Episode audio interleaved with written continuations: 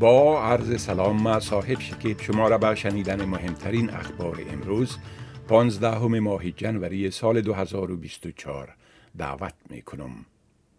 استرالیایی ها امروز با این خبر از خواب بیدار شدند که مری دونالدسن متولد هوبارت استرالیا پس از آن که همسرش ولیت فدریک به حیث پادشاه فدریک دهم مقام سلطنت دنمارک را به دست گرفت اکنون ملکه مری آن کشور شده است ده ها هزار نفر در کوپنهاگن پایتخت دنمارک در هوای سرد با سه درجه سانتیگراد در حال برای دیدن این زوج سلطنتی بسیار محبوب کرده هم آمدند که زنگ های کلیسا در سراسر پایتخت به صدا در آمدند. صدر اعظم انتونی البنیزی می گوید با وجود اینکه حکومت به رفع نابرابری متحد است استرالیایی های با درآمد بلند هنوز هم از کاهش مالیات برخوردار خواهند شد. صدر اعظم باری دیگر تاکید کرده است که مرحله سوم کاهش بحث برانگیز مالیات که به اساس آن مردم با درآمد بلند قرار است بیشترین نفع را حاصل کنند از اول ماه جولای مورد اجرا قرار خواهد گرفت. این بسته از سیاست های حکومت ائتلافی سابق برکت های مالیاتی 32.5 فیصد و 37 فیصد را لغو می کند و یک برکت 30 فیصدی مالیدهی را برای درآمدهای بین 45 هزار تا 200 هزار دلار ایجاد خواهد کرد. با گذشت یکصد روز از درگیری ها در غزه که با حملات حماس در هفته اکتبر آغاز گردیدند تانک ها و تیارات اسرائیلی اهداف را در جنوب و مرکز غزه هدف قرار دادند.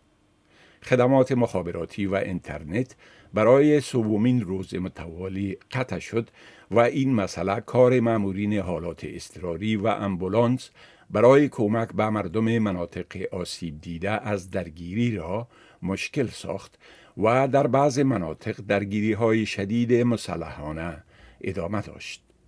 نبردها در شهر جنوبی خانیونوس که حماس گفت جنگنده هایش یک تانک اسرائیلی را در آنجا هدف قرار دادند و همچنان در البریج و المغازی در مرکز غزه که اردوی اسرائیل گفت چندین جنگجو کشته شدند متمرکز بود.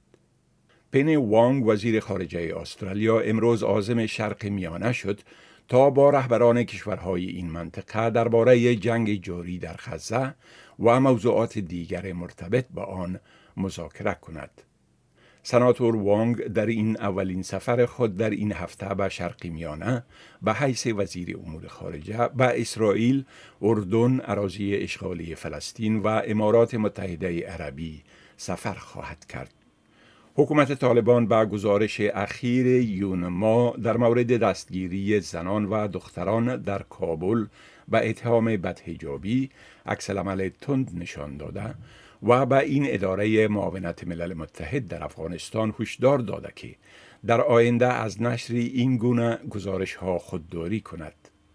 طبق یک گزارش صدای امریکا محمد خالد حنفی سرپرست وزارت امر به معروف و نهی از منکر در آخر هفته در نشست در کابل گزارش هیئت معاونت ملل متحد در افغانستان را یک جانبه خواند و از این اداره خواست تا اخبار را بر اساس حقایق نشر کند.